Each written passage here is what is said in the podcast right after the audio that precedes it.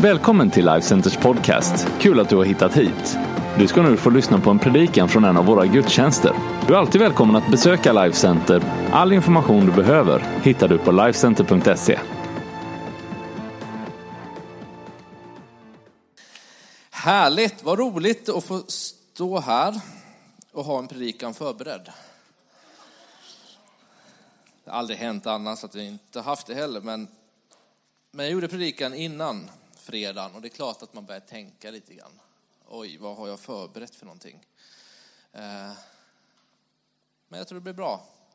Det är som så, Gud, Gud visste ju. Gud visste ju när, han, när vi förberedde den här predikan så visste ju han ju vad som skulle hända. Så det är klart att jag behövde inte kasta den utan jag kände att när jag tittade igenom den igår kväll på mitt kontor så kände jag att, ah, just det. Det här perspektivet kan jag faktiskt ta och lyfta ännu mer. Just det, ja. Som jag badar. Det står också i Bibeln att bokstaven är död men anden ger liv. Eh, jag studerar, när jag inte jobbar här, på min deltid så studerar jag. Jag studerar på ALT, Akademi för ledarskap och teologi. Eh, och där har jag en lärare som, eh, som sa så här att vi behöver inte ha fler bibeltroende. Det är klart att man, man börjar fundera, vad säger han? Då sa vi behöver ha fler andefyllda troende. För han sa, för det är ju att ordet utgår ifrån hans mun till liv för oss. Och jag bara, wow, det här kommer bli en bra kurs. Och det var det. Jag är inte klar med den än, så att jag har inte gjort tentan än. Det också påverkar om man tycker en kurs var bra eller inte, hur man lyckas där. Men än så länge har varit jättebra, och det är så. Bibeln är någonting vi ska läsa, Bibeln är någonting vi ska ta in, men det är ju för att det är liv, det skapar någonting i oss. Det är det som är hela grejen. Alltså kristendomen, det är ju bara Jesus. Det är bara Jesus. Är det någon vi ska tala om så är det Jesus. För det är det det handlar om. Det är han som är det goda budskapet. Härligt. Vi ska ha tre verser idag som grund utifrån Matteus 9, 35-38. Jag börjar att läsa. Då står det så här att Jesus gick omkring i alla städer och byar och han undervisade i deras synagogor och förkunnade evangeliet om riket och botade alla slags sjukdomar och krämpor. När han såg folkskarorna förbarmade han sig över dem, för de var härjade och hjälplösa, som får utan herde. Och han sa till sina lärjungar, skörden är stor, men arbetarna är få. Be därför skördens herre att han skickar ut arbetare till sin skörd. De här tre verserna ska vi ta och gå igenom den här förmiddagen. Kan tyckas vara få verser, men jag tror, jag lovar dig att jag kommer få ont om tid i slutet ändå. För det brukar vara så. Det, lite grann, om vi börjar lite grann med texten. Var befinner vi oss? Vad är det för någonstans? Vem är det? Ja, det står Jesus. Så det, det, den är ganska lätt. Check. Jesus var i Galileen. Läser vi lite runt omkring där så upptäcker vi att han var i Galileen. Galileen är eh, hans hemområde. Det är den norra delen i Israel.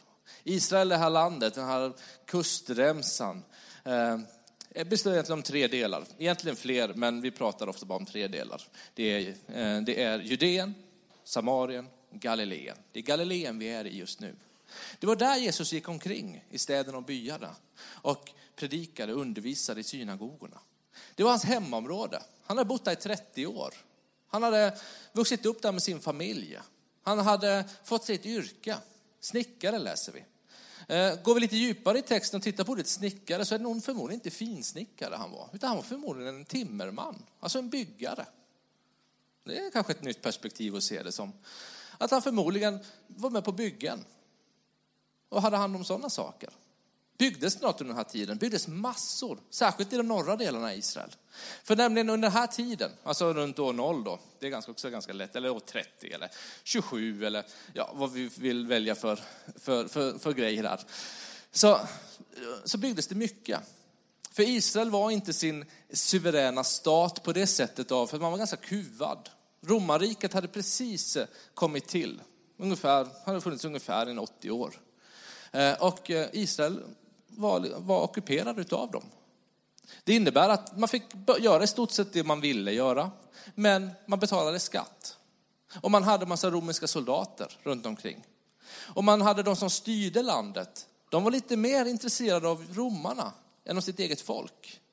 För att de var inte riktigt judar, utan de var lite halvt. Så de ville ju ha en väldigt god relation med romarriket, med kejsaren. Så man byggde städer. Ganska många städer, 30 städer ungefär i Israel under den här perioden, alltså romarrikets tid. Så man byggde som romerska städer. Och det här byggarna var. Så kanske, kanske Jesus var på sådana byggen. Och var, byggde hus, helt enkelt.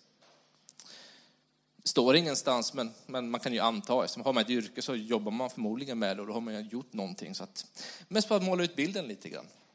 Vad hände här då? Jo, Jesus börjar sitt uppdrag som Guds son. Han börjar i den här åldern, runt 30 någonstans. Och han kallar sina lärjungar. Ibland har jag tänkt att, för att ibland tänkte jag, men hur lyckas man bara gå förbi någon och säga, kom följ mig. Och de bara lämnar allt. Sen slog det mig, men han är ju i sitt hemområde. Och Israel är stort som Småland. Det kan ha varit så att han kan ju faktiskt ha pratat med några grabbar under många år. Blivit en slags informell ledare redan. Och kanske till och med så här, det kommer komma en tid grabbar. Där vi ska göra något riktigt häftigt. Men inte än. Och när han kommer där så bara, kom följ mig. Då visste de bara, wow, äntligen. Står inte i Bibeln, men skulle kunna vara så bara om man tänker till lite grann av att, hur det funkar. Vad gjorde han då? Han predikade, han talade, han talade på båtar, han stod på berg, på slätter, han stod på öppna fält, han stod på torg, han gick in i synagogan. Vad är synagogan för något? Ungefär slarvigt sagt som en kyrka, fast för judar. Fast förmodligen lite mer som en förening. Lite färre som kanske gick dit. Kanske fanns flera olika synagogor. På små ställen fanns det kanske bara en. Men en förening för de som verkligen ville lära sig om vad det stod i heliga skrifterna. Då pratar vi givetvis bara om gamla testamentet. För det nya fanns ju inte än. Sådär, så att det är där han går in. Och vad gjorde man då? Jo, man läste i skrifterna. Och under den här tiden så fanns det också en längtan som började bli en ganska desperat längtan efter att få se sitt land. För man såg sig som Guds utvalda folk. För det var jättetydligt i Gamla Testamentet. Man såg tillbaks till en tid som var guldåldern. Det var tusen år före Jesus. Det var kung David, när han var kung. Det var en man efter Guds eget hjärta. Det var en fantastisk tid då. Israel har aldrig varit så stort som det var då. Folken runt omkring har aldrig varit så rädda för Israel som de var då. Det var en tid som man glorifierade på den här tiden. Det var en tid man längtade tillbaks till. Man har inte haft någonting liknande, man har inte varit självständig egentligen på de senaste 500 åren. Man läste i Gamla Testamentet och man hittade de här messianska förutsägelserna. Det där som vi kopplar till Jesus idag, med all rätt. Men man letade och man började se att Gud ska skicka en ny kung. En man som är starkare än David. Som ska utgå ifrån hans tronföljd, hans släktband. Och som ska, få, som ska se till att vi blir ett självständigt folk igen. Där det inte finns någon som tar skatt av oss, ingen som blandar sig i hur vi tillber Gud. ingen som kan blanda sig i hur vi gör saker och ting. Utan det är bara Gud som ska kunna göra det. Det var en stor förväntan. Så att när Jesus ploppar upp som en messiasgestalt så var han egentligen bara en av många. Men skillnaden är ganska stor, för de förväntade sig inte en Messias som bara samlar ihop några få och bara predikar, utan de förväntade sig en militär ledare som skulle ta makten, som skulle sparka ut romarriket, sätta upp gränserna. Det var det man letade efter. Så därför så var det inte helt självklart för Jesus att bli accepterad. Ett exempel ifrån Lukas. Hur Jesus gjorde då. För nu har vi läst att han gick omkring i städerna och byarna. Då har vi en liten bild framför oss hur det såg ut. Han undervisade i synagogorna. Vad var det han gjorde då? Jo, i Nasaret där han växte upp, han gick in i synagogan där förmodligen lördag, för då man samlades. Han gick dit, eh, satte sig ner, han bad om att få ordet, det var helt okej att göra det. Han var, han var en uppskattad lärare, en kunnig sådan. Eh, så att han bad om att få ordet. Han bad om att få en, en, hela skriften till sig. Det fanns ju inga böcker på den tiden, kom ju långt, långt senare. Så han fick en rulle, Jesaja-rullen fick han. Och då ställer han sig upp, han rullar ut den där och sen så läser han följande. Herrens ande är över mig. Han har smort mig till att predika glädjens budskap för de fattiga. Han har sänt mig för att ropa ut frihet för de fångna och syn för de blinda, för att ge betryckta frihet och predika ett nådens år från Herren. Sedan rullade han ihop bokrullen, räckte den till tjänaren och satte sig. Alla tittade på honom. Spännande. Han har valt messiansk förutsägelse. Mycket spännande att höra vad den här utläggningen kommer att handla om. Det var inget ovanligt. Det var ju säkert väldigt spännande eh, inledning till en predikan. Men det han gör när han har satt sig ner, det är att han säger så här. Idag har detta skriftställe gått i uppfyllelse inför er som lyssnar. Folket bara, hallå? Vad gör du? Vad säger du? Du är ju snickare, du är en byggare, du ska ju gå på byggen. Du, har du, är inte, du är duktig, men du är inte ens formellt en ledare, en lärare. De blir så vansinniga så de jagar ut honom ifrån synagogan, jagar ut honom rakt ut på en klippa. Sen står det bara att han bara gick igenom. Det här kanske vi inte läser så ofta, att Jesus, när Jesus talade så var det ju med en helt annan auktoritet. Det var ju helt nytt sätt att någon, att någon på det här sättet, eller på ett sätt och vis, men, men, men, men att liksom säga att men det är mig ni har väntat på. Vad gjorde han mer då? Det står också att han undervisade i synagogorna. Då vet vi lite grann om det. Han förkunnade evangeliet om riket. Då vet vi att det var att han har kommit för de fattiga, för de blinda. Han har kommit för folket. För att föra dem ut ur någonting till någonting annat. Det är det det handlar om. Det som vi upptäcker är att evangeliet är inte bara för judar. Jesus verkar dock vara väldigt intresserad av att bara prata med judar. Hedningarna, vilket roligt begrepp egentligen, för det har ju ändrat totalt innebörd. På den här tiden så var hedningar ett samlingsord för alla andra nationaliteter förutom israeliter. Det var så judar såg. Man var antingen Israel eller så var man hedning. Men Jesus har lite kontakt med dem, men det verkar inte vara hans primära. Men det ska inte stanna där, evangeliet, de goda nyheterna. Utan det är universellt. Det är jättetydligt. Redan gamla testamentet knyter an till att det är ett universellt budskap för hela mänskligheten. Matteus 28, gå därför ut och gör alla folk till lärjungar. Vilket är spännande att höra att vi snart är faktiskt färdiga. 2000 år efter.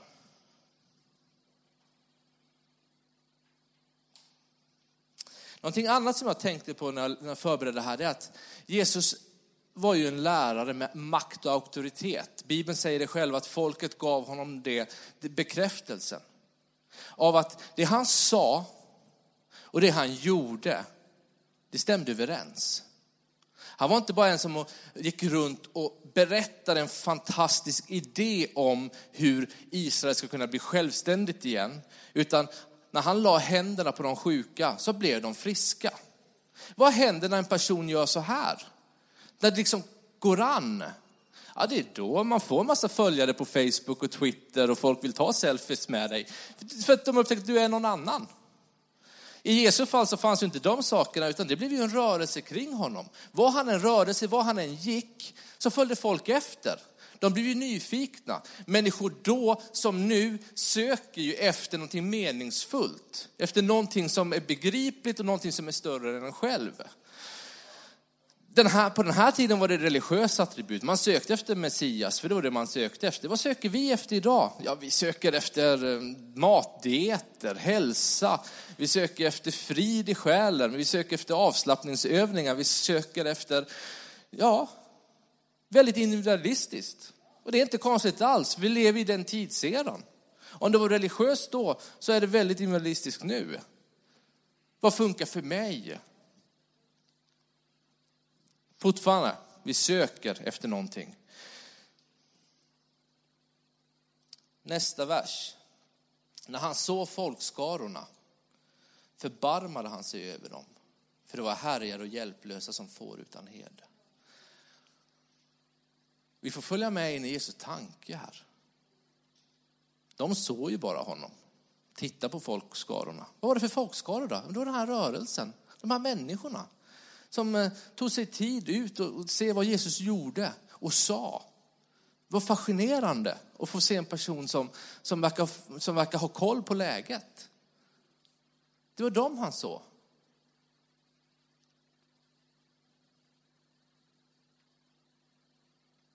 Han såg deras tillstånd. Och han fylls av medlidande, förbarmande, barmhärtighet. Barmhärtighet, och det är ett sånt rikt ord. Det är ett sånt gammalt ord och det är ett sånt rikt ord. Så att när man börjar titta på det, så vem är barmhärtig? Det kan endast vara Gud som är barmhärtig. Så mycket djup i det ordet. Det är när medlidande fylls av handling, av att vilja göra någonting åt situationen. Det var ju ingen katastrof. Det var inte på Drottninggatan han stod. Utan det var vardagslivet. Och ändå så, säger, så, så ser vi att han tänker så här. De är hjälplösa. De är härjade. De är rivna. De är förvirrade. Säkert tre olika översättningar jag översatte där. Eller gav, gav ord på vad han, vad han uttryckte att han var.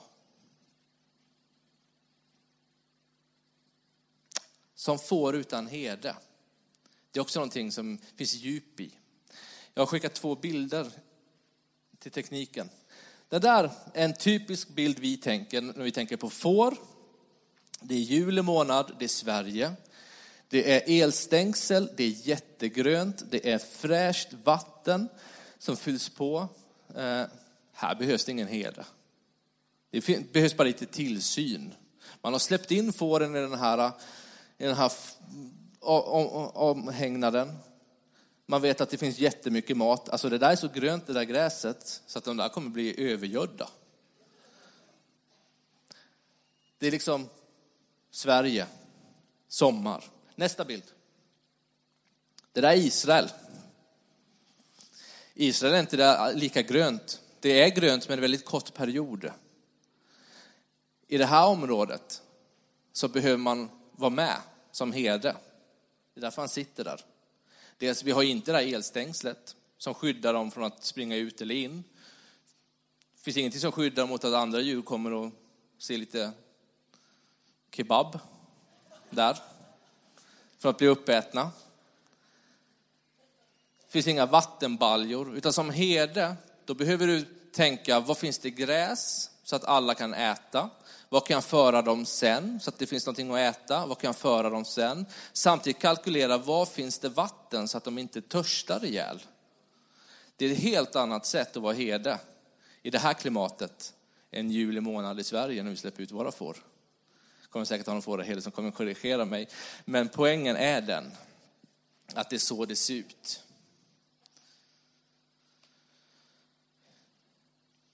Ibland behöver vi kanske en ny säsong i vårt liv. Ibland kanske vi känner att ja, jag har stått på den här slänten och käkat så mycket nu så att liksom, det tar mer energi för mig att äta än det jag får. Det är så torrt och tråkigt. Varför inte rikta blicken till Jesus och säga då, men för mig vidare. Är du min herde, för mig vidare till nya områden, till nya säsonger i livet. För det är det han vill. För det han säger här, de har ingen herde. Arbetarna är få. Vad gjorde Jesus då? Fylldes han av apati? Alltså inte förmåga att göra någonting åt situationen, med den bara den som den är. Nej, han fylldes ju av barmhärtighet eller medlidande. Vad sa han då? Vad gjorde han då? Jo, han vände sig till sina lärjungar. Mitt i den här rörelsen, när han sett det här, så vänder han sig till sina lärjungar. Sen säger han, skörden är stor, men arbetarna är få. Be därför skördens Herre att han skickar ut arbetare till sin skörd. Skulle vi fortsätta läsa kapitel 10 så samlar Jesus ihop lärjungarna igen. Och sen skickar han ut dem två och två ut på, mission, ut på missionsresa. Att göra precis det han gör. Predika att nu är Jesus här. Syn för de blinda. Befrielse för de fattiga. Ut och berätta de goda nyheterna. Jesus är här. Men det kommer efter den här versen. Vad är skillnaden? Skillnaden är skörden är stor men arbetarna är få. Vad är uppmaningen? Be därför skördens herre att han skickar ut arbetare. Det var det han sa, be därför till skördens herre att han skickar ut arbetare. Det, var, det kommer före innan han skickade ut dem. Jag tror att det har att göra med att han vill inte bara skicka ut dem, utan han ville sända ut dem. Skillnaden är att vara utskickad får bara lösa någonting, det är att du gör det precis någon sa att du skulle göra med inget mer, för du, du bara gör någonting som är delegerat till dig. Men vara utsänd genom att du har bett till Gud, då är det att du har ett helt annat mandat, helt annat kraft. Det är nog att du har förmågan att se den här situationen, så som Jesus såg den. Det är min skillnad på att vara utskickad och vara utsänd. Purpose driven. Att se igenom vardagslivet. Att kunna se de här upptagna människorna som gör vardagslivet. Som pendlar mellan jobb och, jobb och hem och eh, barnen och aktiviteter och allt det här. Kunna se igenom det och inte bara säga att ah, vi har alla väldigt tufft. Men att kunna se, ja fast de är ju hjälplösa. De är härjade, de är förvirrade. De är utan Jesus. Jag hoppas att någon här inne idag sitter och tänker så här, ja, fast vem är Jesus? Jag tror, eftersom jag tror att det är Jesus som är grejen, så tror jag att du kanske sitter och känner så att ja, fast det är någonting inom mig som, som, som det här slår an på. Och då vill jag bara säga det, bejaka det. Och lyssna in till det. Och se vad han vill leda dig. För oss kristna är Jesus på riktigt. Han är en verklighet. Det är han som gör det mesta. Vi är bara kött och blod som får vara med. Så bejaka om du känner inom dig att någonting håller på att hända. Jag vill också vända mig till dig som inte ser tillfällena. Min pappa brukar säga så här att hemma på soffan händer ingenting. Men om du kliver utanför dörren, då kan du hamna i roliga situationer. Och det är ju helt sant, hemma händer ju inte mer än man gör själv. Det händer inte så mycket. Min pappa brukar vända det till både positivt och negativt. Han brukar ta det så här att det är nästan bättre att ligga hemma på soffan för att det är bara massa elände som händer när man kliver utanför dörren. Och sen samtidigt när han uttråkad så kan han vända till något positivt. Så han använder det där. Men myntet har ju två sidor så det är helt okej. Men det är helt rätt. Det är när du börjar när du går utanför din dörr. När du börjar interagera med lite människor. När det, liksom, det är då det händer saker. När du har lite samtal, när du är lite nyfiken. När du liksom stannar upp lite grann från att bara ta dig från jobbet till hem. Kanske bara stanna upp och prata med någon som du åker tåg med eller bussen eller, eller vad, vad du än gör. Vad kan hända? Jättespännande. Så ta min pappas lärdom där, att hemma på soffan händer ingenting. Men jag tror också att det är någon som kanske känner sig att ja, men den här versen, skörden är stor men arbetarna är få, att den är obehaglig för dig, obekväm och att du inte riktigt tycker om den. Det är för att du, du läser det som att Skörden är övermäktigt stor för mig. Och jag är en otroligt dålig arbetare. Det här, jag skulle vilja säga så att jag tror att jag har ett ord till dig. Det är att låsningen upphör. När jag förberedde mig så var det de två orden som jag, som jag var tvungen att skriva ner för att inte glömma bort dem, för de påminde mig hela tiden att låsningen upphör. Det kan vara som så att du tycker det är svårt att få tron att passa in. Du är på din arbetsplats, du är i skolan, du är där och du är på dagtid och du känner så att ja, men, mina kollegor är inte intresserade. De jag är runt omkring är inte intresserade. Vi pratar aldrig djupa saker. Det, blir, det passar aldrig in. Det, jag får aldrig till det. Det är, liksom, det är stängt för mig. Det, det, det, det, det, är, det är svårt. Jag ger upp. Det där är jättebra. Om du, kan, om du kan stämma in på det. Det är jättebra om du inte gör det också. Men för då har du någonting du kan gå med till Gud. Han älskar när du ställer frågor till honom. När du säger så här, ja men nu är jag låst här. Det går inte, de är inte intresserade. De, det finns inte. Jag har hamnat i en situation där det inte finns ett intresse överhuvudtaget. Det, vänd det till Gud. Det är inte så att Jesus kommer säga bara, oj, hjälp att jag inte såg det. Oj, det här sätter ju allt, det här, det här, det här raserar ju hela den kristna tron. Det händer inte. Utan jag tror snarare att Jesus tycker att det var intressant. Bra, tack. Jag kommer ta mig an det där snart. Jag har själv varit där. Jag satt och pratade med en vän här för ett tag sedan och då, då så sa vi det, båda två faktiskt, att för många gånger vi bara har pratat kyrka med våra vänner. Man liksom, vittnesbördet blir att jag, att jag berättar om kyrkan hela tiden. Jag var i kyrkan i söndags, jag var där hela dagen. Jag var på två gudstjänster, det var fantastiskt. Vi har jättemånga nya människor som kommer.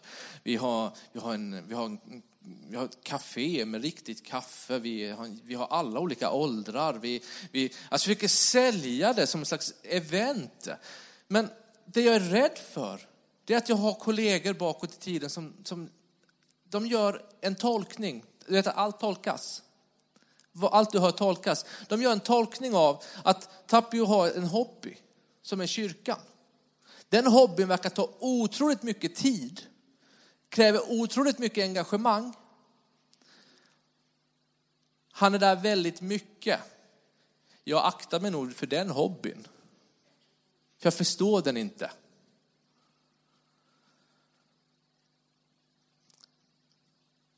Men vad handlar kristendomen om? Handlar om Jesus.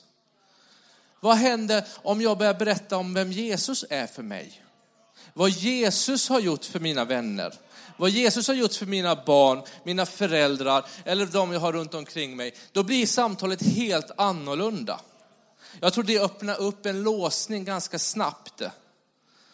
Var inte så orolig för hur du uppfattas. För vet du vad? Det är ingen som tänker på riktigt vad du säger och gör alltid. Jag ska ta mig an det snart också. Alltså skulle jag ha en fläck på min skjorta, jag tror inte jag har det än, kommer komma. Eh, så skulle jag säkert varit så här att jag hade försökt dölja den lite grann. Jag hade, hade haft, ja det är lugnt. Hade jag haft det som händer här ibland, då hade jag inte gjort så mycket så här. Utan jag hade försökt dölja det. För att jag hade tänkt att varje person utav er skulle tänka, fy, smutsig skjorta. Kan jag verkligen lyssna på honom? Ja, försöka bara få ut bibeltexterna, för det är nog det enda levande i det där. För att den där skjortan förstör allting. Jag tror inte någon av er ens har tänkt tanken. För att vi gör det alldeles, alldeles för stort. Vi är alldeles, alldeles för centrerade på oss själva. Vet du vad jag snarare tror? Om du talar om Jesus där var du går fram, så kommer de som är intresserade vilja tala vidare med dig om Jesus. De som inte är intresserade, de kommer bara byta samtalsämne eller gå därifrån. Och tänka så att, ja, Tapio gillar Jesus. Fattar ingenting utav det, men alla gillar ju något. Jag tror inte det är så mycket värre än så.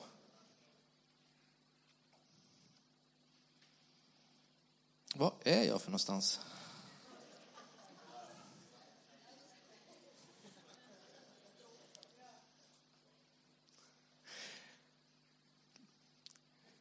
Hur gör, hur gör man då? Jag tror inte du ska sitta här nu och känna, vissa utav er kan det och vissa gör det. gör stora förändringar. Alltså vissa av er är med i ett korpenlag redan med massa okristna vänner. För du kanske sitter och känner att jag har ju inga okristna människor runt mig. Jag är inne i en sån bubbla just nu. Jag pluggar teologi med andra kristna. Jag jobbar i kyrkan. Det är väldigt få jag har runt omkring mig som, jag, som inte känner Jesus. Eller? Jag skulle vilja säga så här, vem du än är, hur din situation än ser ut, så sitter du i en jättebra situation. Du behöver inte göra om ditt liv helt och hållet. Utan hitta de här situationerna. Sök Gud, be för, jag har ju, jag har ju grannar. Jag ser dem mer nu när solen är framme. Du har någon, du kanske har en mamma, en pappa. Du kanske har en hustru eller en man som du till och med glömt bort att, men, där är inte Jesus än. Och börja be. Börja be över de här situationerna. Och för det var det som Jesus sa. Han sa inte, jag ser att de är vilsna, förvirrade, rivna, hjälplösa. Ut med er, gå ut med er, lös det, lös det, det här är fruktansvärt, lös det bara. Jag bryr mig inte om hur ni gör det, bara lös det. Det var inte så, han sa be därför skördens Herre. Att han sände ut arbetare. Det är det, så det måste gå. Så därför så är min predikan idag handlar bara om en sak. Be därför. Be därför. Och sen är du en kristen. En liten Messias betyder det. Förvänta dig att han sänder ut dig. När du börjar be och bekymra dig över Jesus perspektiv på att en stad, ett land, en värld håller på att gå förlorad, så kan du förvänta dig av att han förbereder, det här är bra, förbereder de situationerna som du är i. Det står i Johannes 6 och 44 att Jesus drar människor till sig. Det är då de blir öppna för att bli frälsta. Be för de situationerna du är i. Börja be för din arbetsplats och de du har runt dig där. Och be Jesus, drar du i den personen? Och sen när Gud börjar dra den personen till sig, då kommer inte du dit och börjar prata om kyrkans verksamheter och visa kalendern och bjuda in dem till på en massa saker. Utan du börjar säga, vet du vad, jag tror på Jesus. För då det Jesus sa, när han predikar om, om evangeliet, de goda nyheterna om riket, allt det där är samma sak. Det är att han säger, jag är här nu för att göra det här för er. Jag är här nu för att vara er herde, för att föra er från mörker till ljus, från död till liv. Och det är det du och jag ska göra. Att bara vara det här kött och blodet, få representera Jesus och säga att det här kan Jesus göra för dig. Jesus söker efter dig. Och det är bara de han drar till sig i de situationerna du är i, som du tar ansvar för. Men ditt böneliv är större. Ditt böneliv är att du är bekymrad över situationen och du vill gå med Gud. Men de situationerna du går in i, de kan du förvänta dig av att de är förberedda av Gud och du är utsänd i det.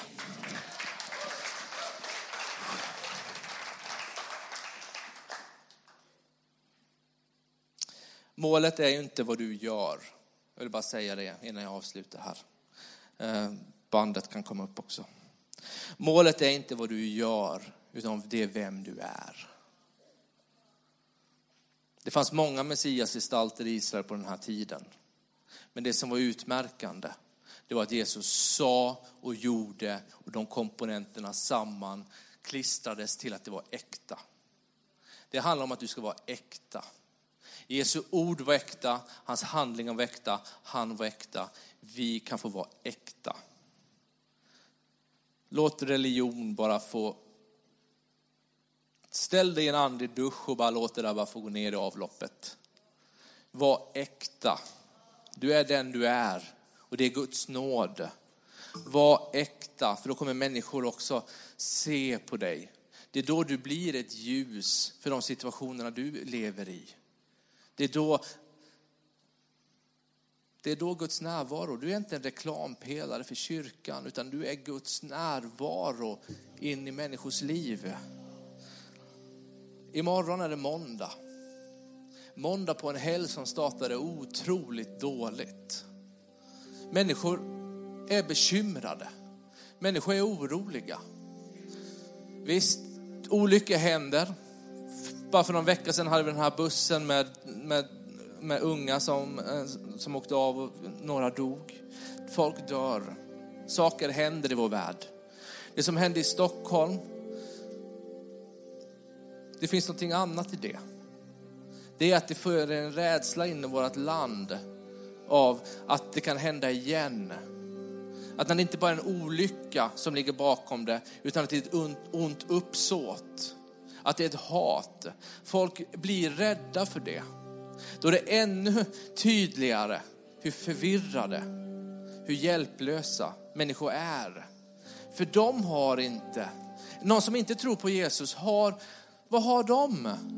De bygger upp det de kan bygga upp under en livstid. Men vi bygger upp någonting som går in i en evighet. Det vi gör nu, gör ett avstamp i nu, det går rakt in i en evighet. Det är det som Jesus är här för att göra och det är det som han vill att vi ska göra. Att vi ska bara förklara för människor att det finns någonting mer.